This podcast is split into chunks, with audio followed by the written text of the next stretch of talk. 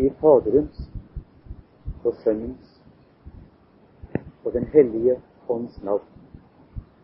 Med korsets tegn på panne og på bryst vender vi oss til Gud Fader og ber om at Han må åpne sitt ord for oss, slik at vi, Hans barn fra dåpen av, kan forstå noe av Hans faderlige hjerte og Hans dype tanker og Hans mening og Hans form over oss. Det ber vi om i Jesu navn.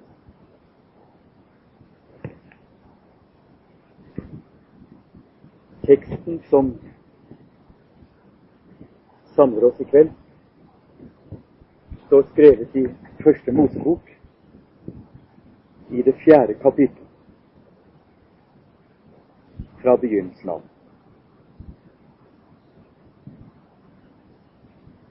Og Adam kjente sin hustru Eva, og hun ble fruktsommelig og fødte Kain. Og hun sa, Jeg har fått en mann ved Herren. Og hun fødte fremdeles hans bror Abel. Og Abel ble fårehyrde, men Kain ble åkerdyrker. Og det skjedde etter en tids forløp at Kain brakte Herren et offer av jordens frukt. Og Abel brakte også et offer av sin jords førstefødte og av deres fett. Og Herren så til Abel og til hans offer. Men til Kain og til hans offer så han ikke. Da ble Kain meget vred, og hans åsyn ble nedslått. Og Herren sa til Kain, hvorfor er du vred, og hvorfor er ditt åsyn nedslått? Er det ikke så at dersom du har gått i sinne, da kan du oppløfte ditt åsyn. Men har du ikke gått i sinne, da ligger synden på lur ved døren, og til deg er den attråd, men du skal herske over den. Og Kain talte til Abel sin bror.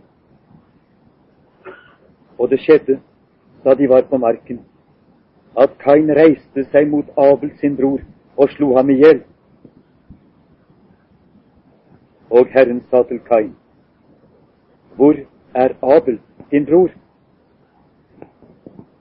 Og han sa, Jeg vet ikke. Er jeg min brors vokter? Men han sa, Hva har du gjort?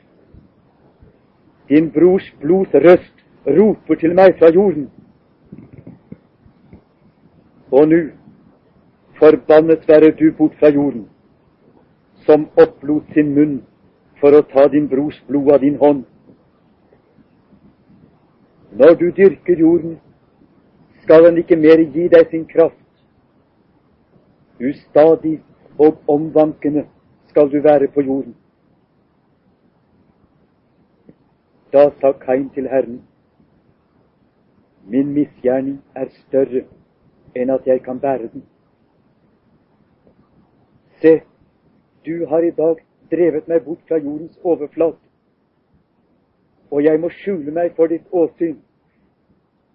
Og jeg vil bli ustadig og omvankende på jorden. Og det vil skje at hver den som finner meg, vil slå meg i hjel. Men Herren sa til ham, derfor skal den som i hjel slår Kain, lide syvfold hevn. Og Herren satte Kain et tegn for at ikke noen som fant ham, skulle slå ham i hjel. Så gikk Kain ut fra Herrens åsyn og bodde i landet Nodd, det betyr flukt, østenfor Eden. Og Kain kjente sin hustru, og hun ble fruktsommelig og fødte han nok. Og han bygget en stad og kalte stadens navn etter sin sønns navn, ha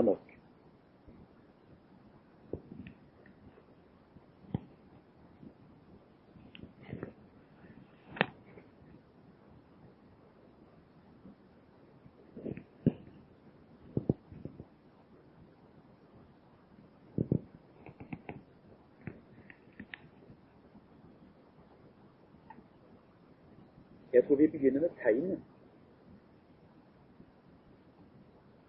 som Herren satte på Kains panne.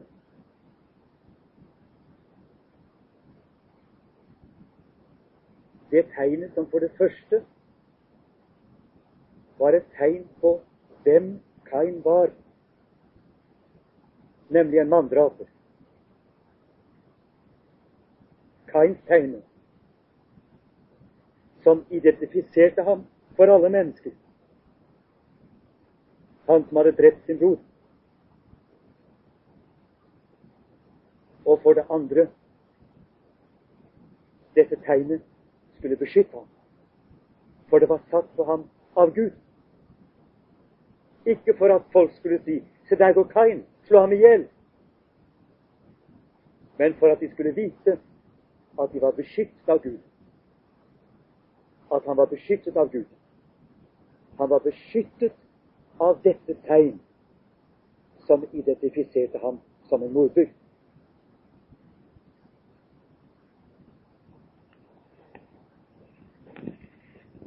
Kain er vår stamfar. Stamfar til Lamek, far til Noah. Vi er Kains slekt. Vi er brodermoderens ett.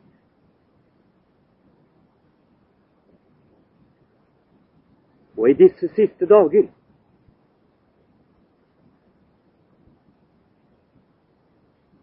har Gud Fader satt sitt Kains-merke på de fleste av oss som sitter her inne. Vi bærer det usynlig på vår panne og på vårt bryst.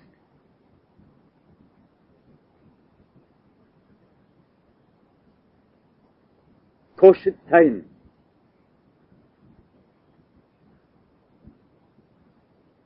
Tegnet som forteller om vår bror vår Abel, som vi slo i hjel.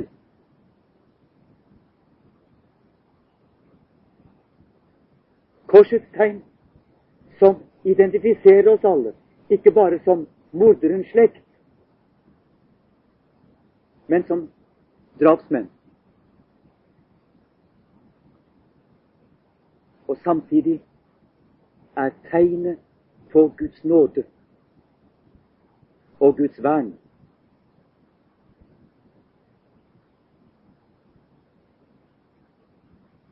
Når vi taler om Kain, så må vi trekke så lange linjer i skrift. Når vi taler om Abel, må vi trekke så lange linjer i Skriften. Dette første drap i vår historie, da konsekvensene av syndefallet utfoldte seg i all sin gru, er samtidig en profeti om den rettferdiges død.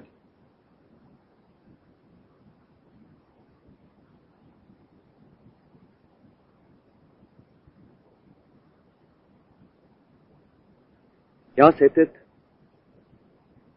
en gammel hollandsk altertavle som forestiller Kristus som blir frembåret i tempelet av sin mor og velsignet av Simeon. Det skjer altså inne i Jerusalems tempel. Og På dette bildet så ser Jerusalems tempel ut som en kirke, slik våre kirker ser ut. Og over alteret i denne kirken, i Jerusalems tempel, er det et alterbilde. Og dette alterbildet, det viser Kain som slår i hjel sin bror. Det var selvfølgelig umulig for kunstneren å sette krusifiks der, et bilde av Kristus på kors, så måtte han sette tilsvarende gammeltestamentlig bilde. Kain, som slår i hjel sin bror.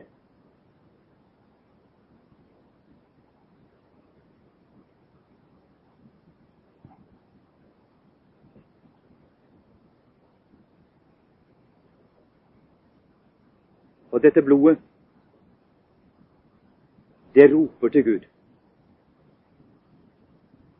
Det skriker til Gud.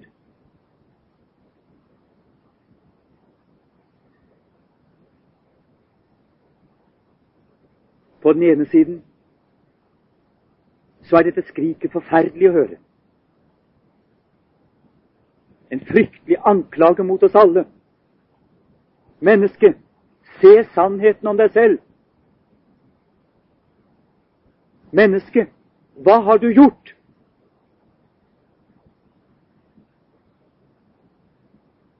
Og på den andre siden skriker blodet om nåde for sin bror. For vi er kommet, som Hebrebrevets forfatter sier det, til oversprengningens blod, som taler bedre enn Abels.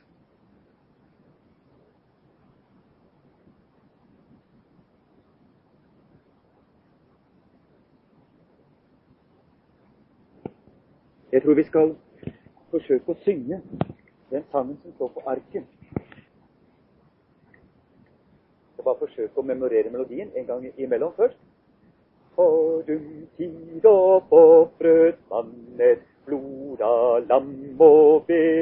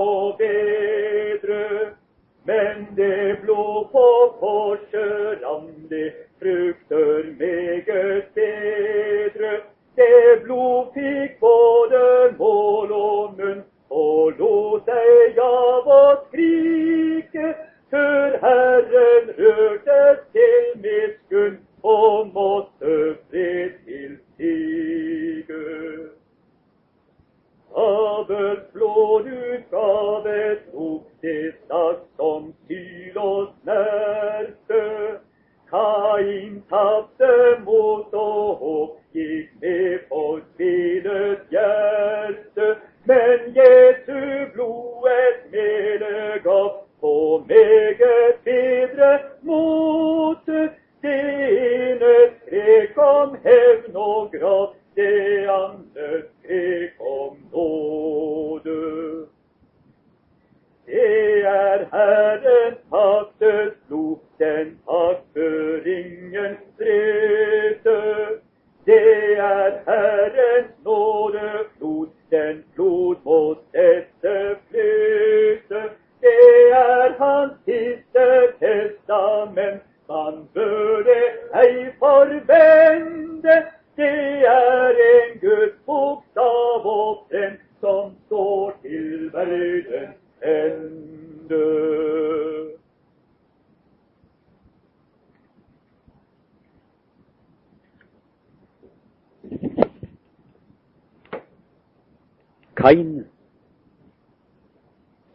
Adams førstefødte. Førstegrøden av Adams kraft og Adams liv. Arvingen. Han som skal føre slektens navn videre. Odelsgutten til hele jorden. å være den førstefødte i gammeltestamentlig forstand. Det er alt dette og mye, mye mer. Det er å være konge. Det er å være prest.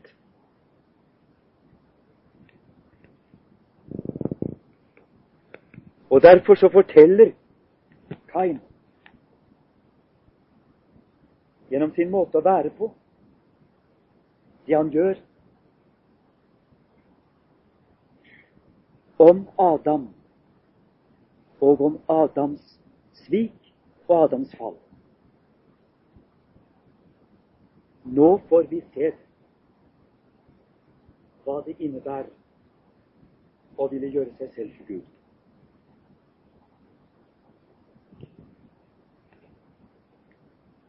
Den andre, Abel, han er bare som en skygge. Han er noe på siden. Han blir fårehyrde, og det hører vi ikke noe om før. For Adam er satt til å dyrke jorden. Og derfor blir også Kain en åkerdyrker. Overtar etter sin far.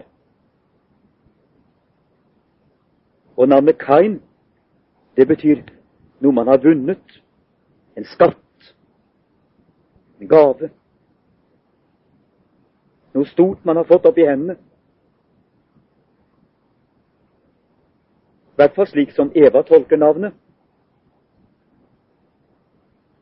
Hun tolker det ut fra et verb, et hebraisk verb, som betyr å få noe gitt, eller vinne noe. Kjøpe noe. Jeg har fått en mann ved Herren. Kain ses på som Herrens store gave.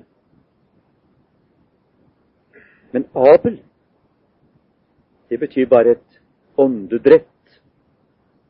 Jeg holdt på å si et sukk i sivet. Noe forgjengelig. Noe som er der, og så plutselig er borte. Som en skygge kommer Abel inn og blir borte. Hans eneste oppgave i beretningen er å bli drept som et offer for sin brors avvind og misunnelse, fordi broren har stjålet Guds hjerte fra ham.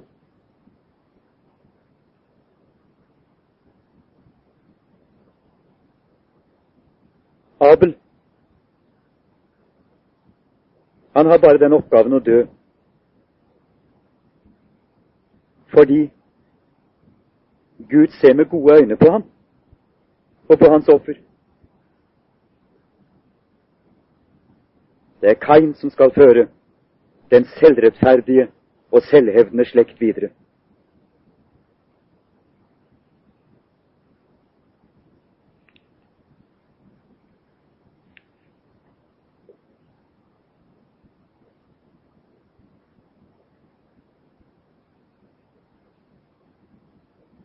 Men før det kommer så langt som at Kain blir drept, Abel blir drept, så får vi et mellomspill. Og Gud er fremdeles nær menneskene, kommuniserer fremdeles nokså direkte med dem. Og Herren sier til Kain, hvorfor er du vred, og hvorfor er ditt åsyn nedslått? Er det ikke så at dersom du har gått i sinne, så kan du oppløfte ditt åsyn? Men har du ikke gått i sinne, da ligger synden på lur ved døren, og til deg er dens attrå, men du skal herske over den. Og her ser vi da synden igjen som en makt som egentlig kommer utenfra. Første gang vi møter den, det er slangen, som egentlig bare har et giftig ord å så mot Gud. Ikke noen makt i seg selv, men kan få makt hvis kvinnen gir etter og handler mot Guds bud. Her ser vi at synden er blitt et, et sterkere rovdyr. Ligger på lur ved døren som en tiger eller en ulv. Og venter på å kunne kastes over mennesket. Gripe det i kjevene sine gjøre det til sitt rov.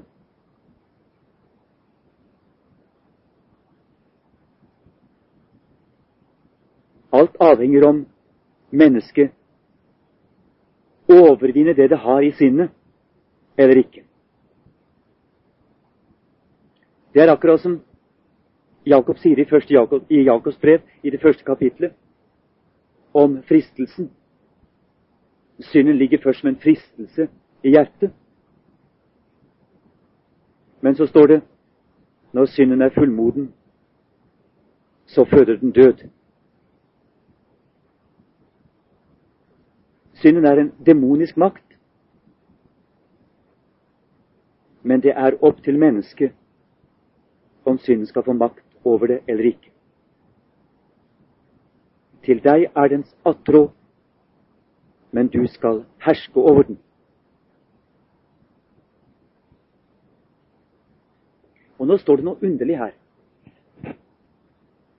som er helt ordrett det vi før har lest i kapittel, i kapittel 3, i det 16. verset. På slutten av det. Til kvinnen sa Herren, jeg vil mangfoldiggjøre din nøye og ditt svangerskap. Med smerte skal du føde barn, og til din mann skal din attrå være, og han skal herske over deg. Om kvinnen så står det til din mann skal din attrå være, og han skal herske over deg. Og nøyaktig de samme ordene, ord for ord, uttrykk for uttrykk, brukes som synden når den ligger på lur etter Kain. Til deg er dens attrå, og du skal herske over den. Det er en nøyaktig parallell. En kan bli svimmel når en begynner å tenke på det. Men det er altså en parallell. Et begjær om å besitte Kain. En slags skjøge. Jeg vet ikke. I slekt med kvinnens lengsel etter sin mann, og allikevel noe helt annet. Attrå herske. Jeg er ikke i stand til å tolke denne gåten, men vi gjør vel i å ha den et eller annet sted bakåt i sinnet. Før eller senere så går kanskje en nøkkel rundt i låsen, og så forstår vi noe mer.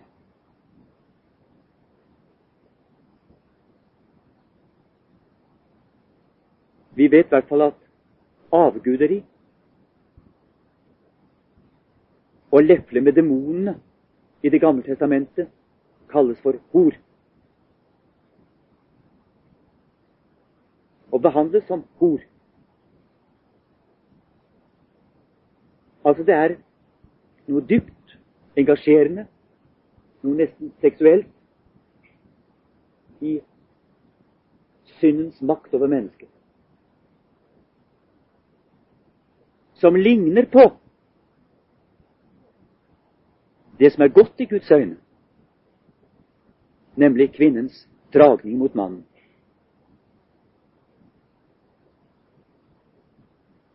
Vi ser jo også at i ordspråkene så kalles visdommen for en kvinne. Og det er en klok kvinne og en vis kvinne.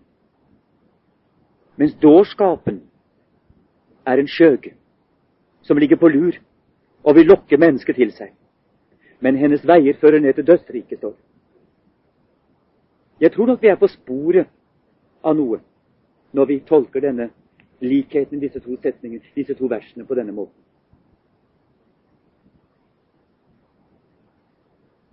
Det er noe som vil eie deg. Noe som vil bruke deg. Noe som vil herske over deg i urenhet. Det er hor.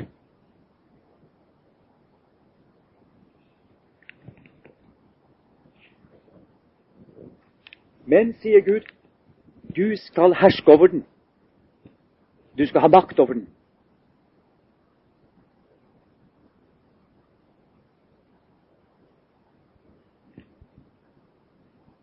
Du skal være i stand til å slå den tilbake, legge den under dine føtter.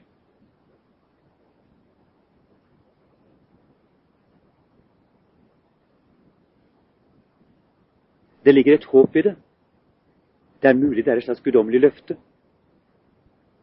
Det kunne ha blitt oppfylt på Kain selv, men det er blitt oppfylt i Kains slekt. Det står om Kains slekt, de som bærer korstegnet, Kains tegnet, på sin panne og på sitt bryst. Det står om dem at de har seiret over den gamle slange, dragen, i kraft av lammets blod og det ord de vitnet. Og Herren lovte sine disipler at de skulle få trå på slanger og skorpioner og all djevelens velde. Legge det under sin makt.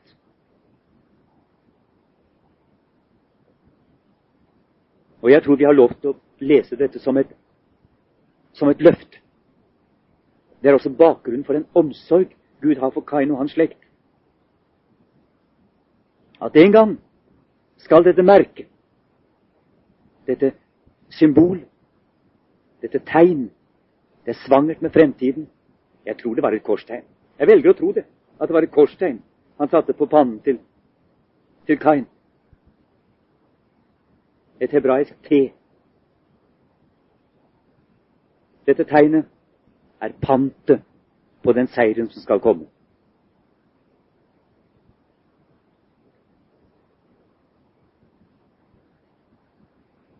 Men her er det allikevel synden som seirer. Kain talte til Abel, sin bror, og det står vi vet ikke hva han sa. Men på marken så reiste Kain seg mot Abel, sin bror, og slo ham i hjel. Og så kommer spørsmålet fra Herren til Kain. Hvor er Abel, din bror? Og han sa, Jeg vet ikke. Jeg er min brors vokter.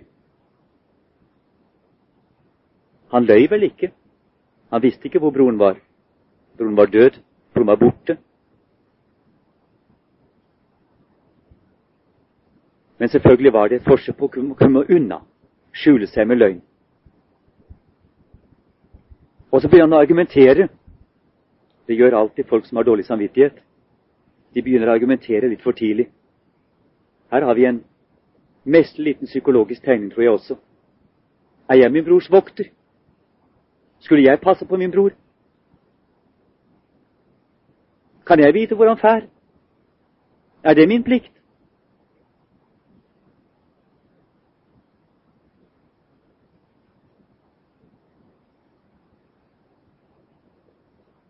Kains sinn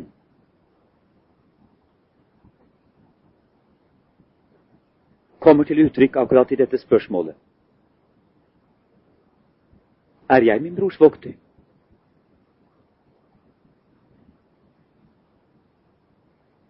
Jeg tror overalt hvor dette spørsmålet kommer opp som et forsvar mot det ansvaret vi innerst inne vet vi har. Og Gud rører ved vårt hjerte. Jeg tror at dette forsvaret er jeg min brors vokter. Du er din brors vokter. På hebraisk så sier Kain er jeg min brors sjomer. Og jeg er kanskje litt dristig, men etter min mening så kan et sånt ord tolkes på så mange måter. Det var en som spurte Jesus en gang hvem er da min neste? Og Jesus svarte, en mann gikk ned fra Jerusalem til Jeriko, og så falt han blant røvere. Og så kom først en prest forbi og så han lå der halde. Og så kom en levit forbi og så han lå der halde, og begge, begge gikk sin vei. For de syntes ikke at de hadde noe med å være sin brors vokter. Og så kom til slutt en samaritaner. Så vidt jeg kan huske, så vil en samaritaner på hebraisk hete shomer. Så kanskje Kain sier egentlig på en måte dulgt Er jeg min brors gode samaritan? Har jeg noe med ham å gjøre slik? Er det min plikt?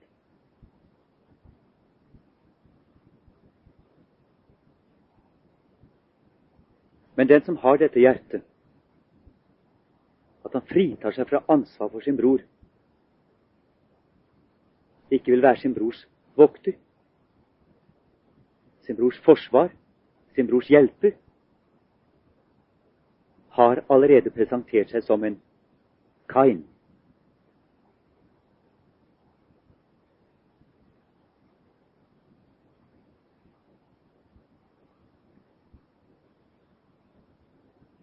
De gamle sa det slik at det er ikke bare den som direkte slår sin bror i hjel,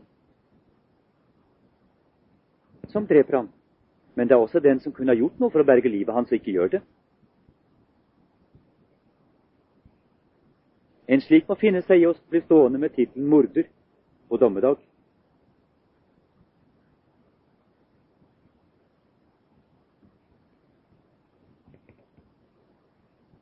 Til tidenes ende forsøker Kains slekt å skyve ansvaret fra seg og over på andre. Over på samfunnet, over på sosialdemokratiet. På alle mulige måter. For liksom å klare å komme forbi sin neste når han ligger der halvdød. Med forholdsvis god samvittighet. Og hele tiden så møter du deg selv i døren hvis du lytter til denne teksten.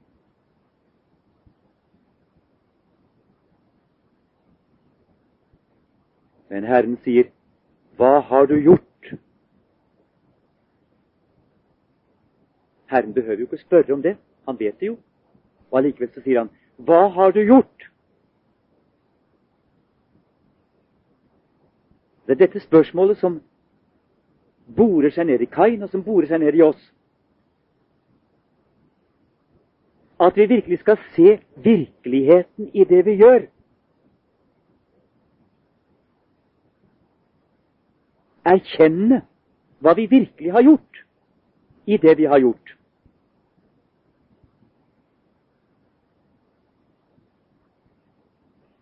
Og så kan det være at noen hver av oss plutselig begynner å forstå at vi har en uendelig stor skyld å bære på. Hva har du gjort? i det du gjorde.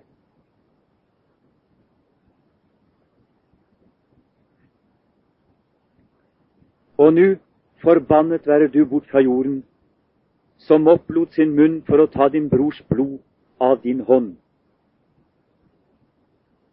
Når du dyrker jorden, skal den ikke mer gi deg sin kraft. Ustadig og omvankende skal det være på jorden. Det er bare en utvidelse av forbannelsen over jorden, vil Si, Adam ble ikke forbannet. Første gang vi hører forbannelsen over menneskene, det er her. Vi hører ikke noen forbannelse over Adam i den forstand. Vi har en forbannelse over jorden. Den skal være forbannet for din skyld. Men her kommer forbannelsen over mennesket selv. Forbannet være du på jorden, som opplot sin munn for å ta din brors blod av din hånd. Og derfor skal den ikke mer gi deg sin kraft. Du skal nok pine noe ut av den, så du livberger deg. Men den skal ikke mer gi deg sin kraft. Den har åpnet sin munn og tatt imot din brors blod. Den skal ikke mer åpne seg for deg med alle sine velsignelser, slik det kunne ha vært hvis du hadde seiret over synd.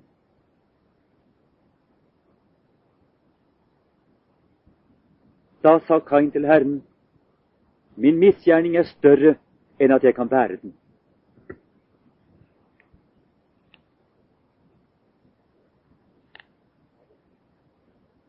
Ja, det er den. Kain kan ikke bære denne misgjerning uten å gå til grunne under den, bli knust av den.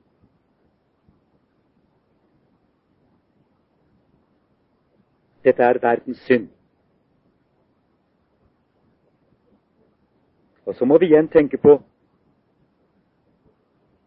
Johannes som peker på Jesus og sier Se der Guds lam som bærer verdens synd.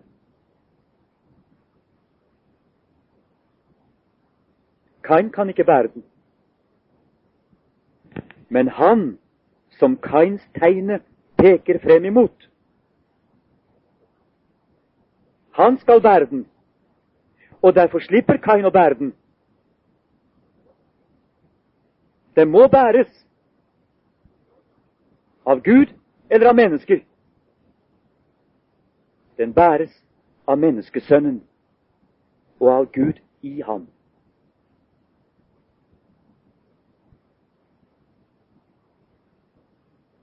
Og vi har lov til å lese Skriften slik. Se sammenhengen. Kain og hans slekt kan ikke bære dette. De må bære tegn. Men det er én som skal bære selve korset. Syndens byrde. Det Guds lam. Den sanne Abel.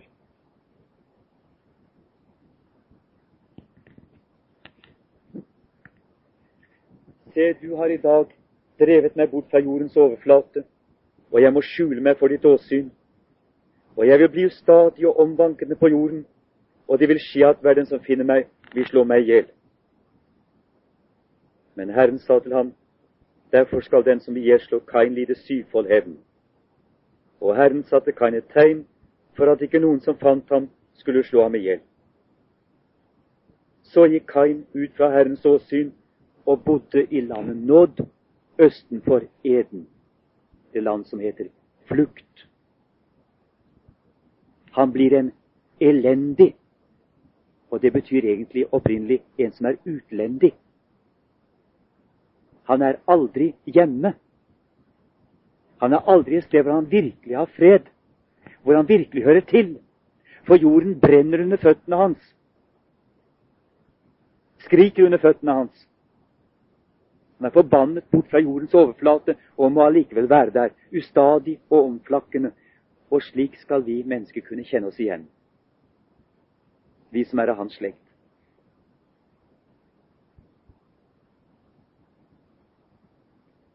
Men Kain klarer seg, slik vi også klarer oss. Og Kain kjente sin hustru, og hun ble fruktsommelig og fødte Hanok. Og han bygde en stad og kalte stadens navn efter sin sønns navn, Hanok. Altså Kain er den første som bygger en by. En stad. Det behøver ikke være store saken. Det kan være nesten som en, en krål med et stort gjerde rundt. Kain gjerder seg inne. Kain murer seg inne. Han skaper et lite stykke unatur midt i Guds natur, hvor han kan ordne alle ting hvor han har forsvar mot det truende utenfor. Mørk og alle mulighetene, rovdyrene, de andre menneskene. Dette er mitt. Her går mitt gjerde. Her er mitt forsvar. Her er mine tårn. Det er Kain. Og det er nettopp fordi han er den landflyktige, at han bygger seg slik en leir midt i verden. Han kan berge leirbålet sitt.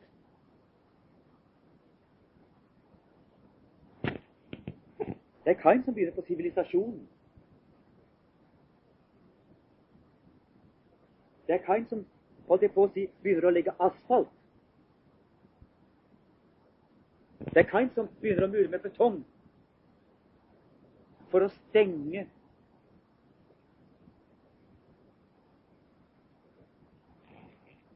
naturen ute. For å ikke være utlevert til forbannelsen og skriket som følger ham alle steder. I skogen og på slettene og i fjellet. Kain har et enormt trygghetsbehov. Det er han som finner opp forsikringene.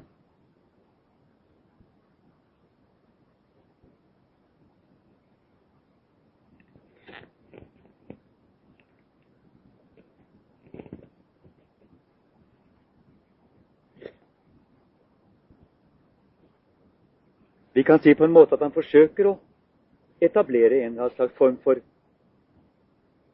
Ikke Edens hage, for det er ikke noen hage lenger, men et slags reservat hvor han selv kan være trygg. Og dette er begynnelsen til alt som heter byer.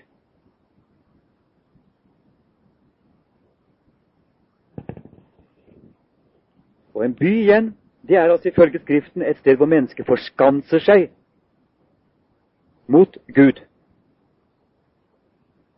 Mot samvittighetens uro. Mot det å være utlevert på nåde og unåde.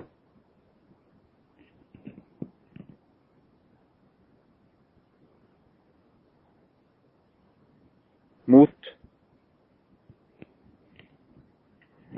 de demonene som han har kalt frem ved sin gjerning, men som selvfølgelig flytter inn med ham. For det fins ingen verre jungel enn storbyjungelen, det vet dere. Og allerede på i oldtiden, da disse tingene ble skrevet, så var nettopp byene de verste junglene. Ingen steder kunne menneskene mishandle, svike, myrde hverandre så finurlig og så effektivt som i de store byene.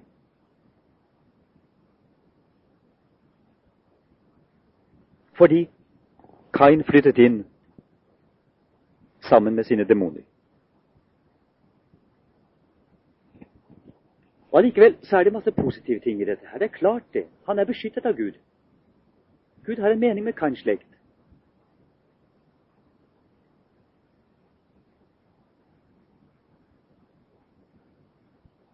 Så får vi høre litt om Kains slekt. Jeg tror vi skal ta det med. For Hanok, som altså var Kains sønn og, og ga navnet til byen, fødtes Irad, og Irad avlet med Hujael, og med Hujael avlet med Tusael, og med Tusael avlet Lamek. Og Lamek tok seg to hustruer. Den enes navn var Ada, og den andens navn var Silla. Og Ada fødte Jabal. Han var far til dem som bor i telt og hos jorder. Altså Nå skjer det en slags utflytting igjen, men denne gang fra Kains slekt. Og hans brors navn var Jubal. Han var far til alle dem som spiller på sitar og fløyte. Likeså fødte Silla Tubal Kain, som smidde alle hånde skarpe kopper og jernredskaper. Og Tubal Kains søster var Naama.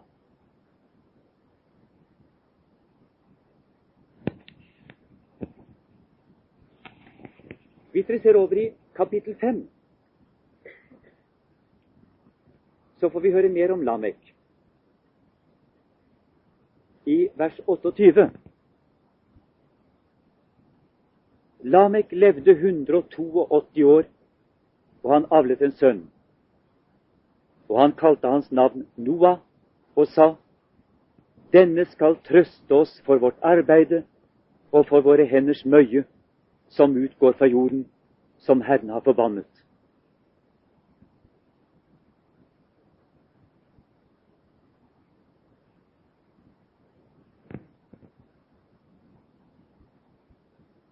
Så ser vi altså da hvordan Noah,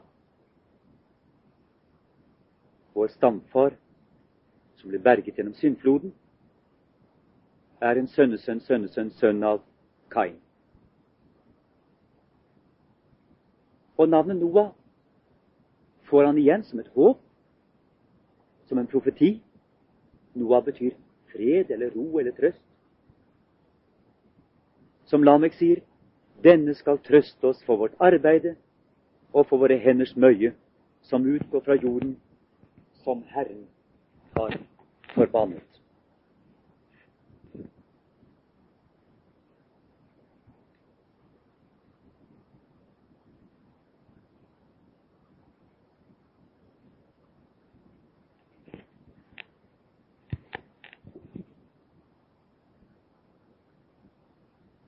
Dette er altså vår egen forhistorie. Dette er noe av det dypeste i vår identitet. Dette er slik vi på en måte blir utformet, preget, før syndfloden kom. Men det er denne slekt, med denne arv, som ble berget gjennom syndfloden i arken, og som siden befolket hele jorden. Og Derfor er det ikke bare en historie om fjerne personer, men det er egentlig vår egen hemmelige, innerste slektshistorie. Slik må vi forstå urhistorien. Vi er skapt i Guds bilde. Vi har strukket oss mot å være Gud selv. Vi har falt ut av vår høye stand. Vi befinner oss utenfor paradiset. Og konsekvensene av vårt svik ser vi i Abels død. Og allikevel så har dette en underlig, dyp mening, fordi Gud allikevel oppholder oss frem mot sitt mål, som er helt skjult. Det er Guds dårskap, som Paulus sier. Det kan ikke fattes og forstås. Vi skulle ha dødd døden allerede ved syndefallet. Vi skulle ha dødd i Kain allerede ved brodermordet. Vi skulle ha gått under i syndfloden fordi Gud angret at han har skapt menneskene. Og allikevel skjer ikke det. Fordi vi bærer dette usynlige tegnet på pannen og på brystet. Gud har merket oss for en fremtid.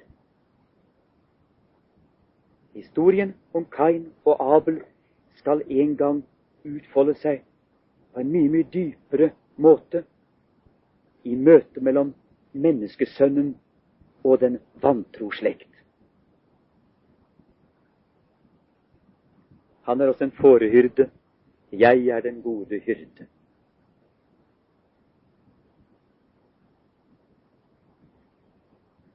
I kveld tror jeg vi slutter der. Han kunne hatt mange, mange ting å si, men vi får si at dagsformen er sånn som den er. Jeg har ikke gjort fylles for teksten på noen måte. Men jeg håper at vi når vi samtaler om det, kanskje kan begynne å grave dypere. Det er bedre det enn at jeg nå bruker mange ord om de samme tingene.